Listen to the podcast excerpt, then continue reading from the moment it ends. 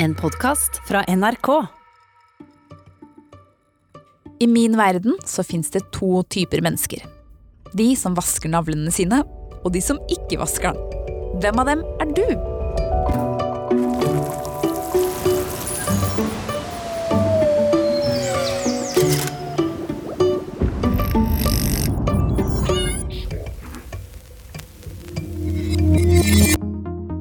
Hei og hjertelig velkommen til en ny episode av Smartere på ti minutter, der jeg, Selda, forteller deg om fakta, vitenskap, historie og andre morsomme temaer som gjør deg nettopp det litt smartere i løpet av maks ti minutter. Shit! I denne episoden skal jeg fortelle deg om det fantastiske mangfoldet av bakterier som bor i navlen din. For det bor nesten et helt univers av bakterier i det litt butte hulrommet midt på magen din. Og det er derfor fingeren din ofte lukter litt rart etter en liten pillerunde i navlen. Er du en av de som ikke skjønner hva jeg snakker om? Da anbefaler jeg deg i hvert fall å stikke fingeren din i navlen, pelle litt rundt, og så lukte på den. jeg lurer på hvor mange som faktisk gjorde det. Det er egentlig litt ekkelt, syns jeg. Uansett.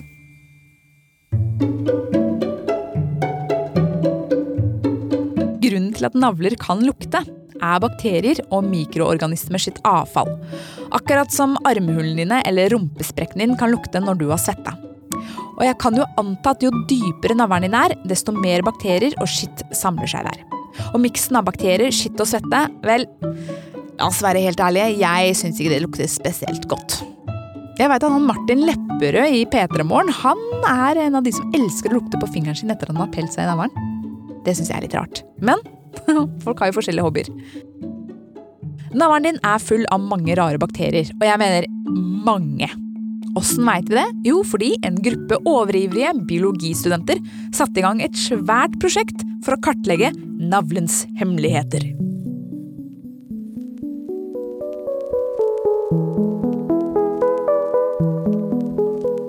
The Belly Button Biodiversity Project starta i 2011. Biologistudenter hadde da tatt prøver fra navlen til vennene sine for å lage et slags bakterieferiekort. Dette er typisk biologistudenter, altså. Men dette prosjektet her, det klinga bra hos Robert Dunn og hans forskningsgruppe av økologer ved North Carolina State University, som hadde et stort ønske om å gjøre forskning litt mer interessant for mannen i gata. Og det gjorde de, bokstavelig talt, i gata. Forskningsgruppa satte opp en stasjon ved et museum i området, der de delte ut vattpinner til 60 nysgjerrige folk med navler. Og det som endte opp med å vokse på petriskålen deres, var rett og slett vakkert. Som en jungel av forskjellige fargerike blomster vokste bakteriekulturene i skålene. Og man skjønte at her var det bare å begynne å kartlegge bakterieartene. For å finne ut hva slags arter bakteriene tilhørte, dro de ut DNA-et deres. Og da så de på et gen som er nesten som et slags fingeravtrykk når det gjelder bakterietype. Og det de fant, ga dem hakeslepp. For det viste seg at de hadde samla totalt 2368 forskjellige bakterier fra disse 60 navlene. Altså over 2000 forskjellige bakterier. Og ikke nok med det. 1458 av disse bakteriene var til da helt ukjente. De fleste av navlene hadde litt under 70 forskjellige bakteriearter i seg. Men det som er fascinerende, er at 92% av bakterietypene ble funnet i færre enn 10% av navlene. Litt forvirrende, men la meg forklare deg. De fleste navlene hadde ganske ulik bakterieflora. En av navlene hadde faktisk en bakterie som fram til da kun hadde blitt funnet på japansk jord. Altså i Japan. Og mannen med denne navlen her hadde aldri vært i Japan engang. En annen som fikk dytta en vattpinne inn i magehullet, viste seg å gå rundt med to typer mikroorganismer som kalles for ekstremofile. Slike bakterier trives i iskapper eller hydrotermiske skorstein. Det er sprekker i jordskorpa hvor det tyter ut varmt materiale fra jordas indre.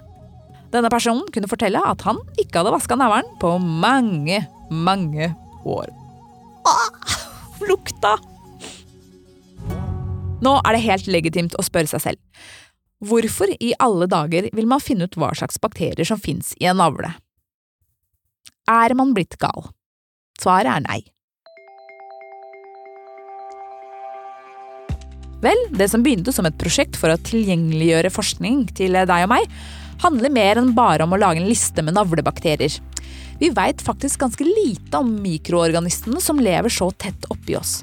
Og folk flest er trent opp i tankegangen om at bakterier er fælt og at de burde fjernes. Men hva om bakterier kan være til hjelp? Kan de være en del av løsningen mer enn at de er en del av problemet? Hm Bakterier og andre mikroorganismer har nesten en magisk evne til å forvandle miljøet rundt seg ved hjelp av et arsenal av kjemisk verktøy. Bare tenk på det. Bakterier de kan leve hvor som helst i verden. Blant annet så finnes de faktisk i stratosfæren, altså 60 000 fot over bakken. De kan spise hva enn de får tak i. Alt fra miljøgifter til plast. Og det fins faktisk bakterier som spiser olje, som kan jo være helt genialt ved oljelekkasjer i havet f.eks. Bakterier kan også ha en evne til å gjøre det næringsfattige næringsrikt. Og det finnes bakterier som til og med kan lage små klumper av gull. De som forsker på bakterienes potensial, tror at de neste 100 åra så vil disse små vesenene løse en god del av utfordringene vi står overfor. Tenk om det er noen bakterier som fikser klimakrisa. Altså Hjernen min lager en sånn surrelyd akkurat nå, for jeg klarer ikke å tenke på det. Uansett, det er lov å drømme, og det må man om man skal gjøre store vitenskapelige oppdagelser. Så hvis jeg skal oppsummere, så er det ganske fascinerende at løsningen på alt fra dårlig lukt til smakløs mat, men også viktigere problemer da, som sykdommer, forurensning, krig og klimakrisen, kan ligge i navlen. Men burde du vaske den da? Hmm.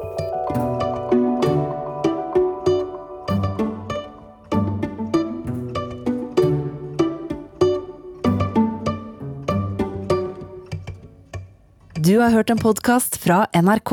Hør flere podkaster og din NRK-kanal i appen NRK Radio.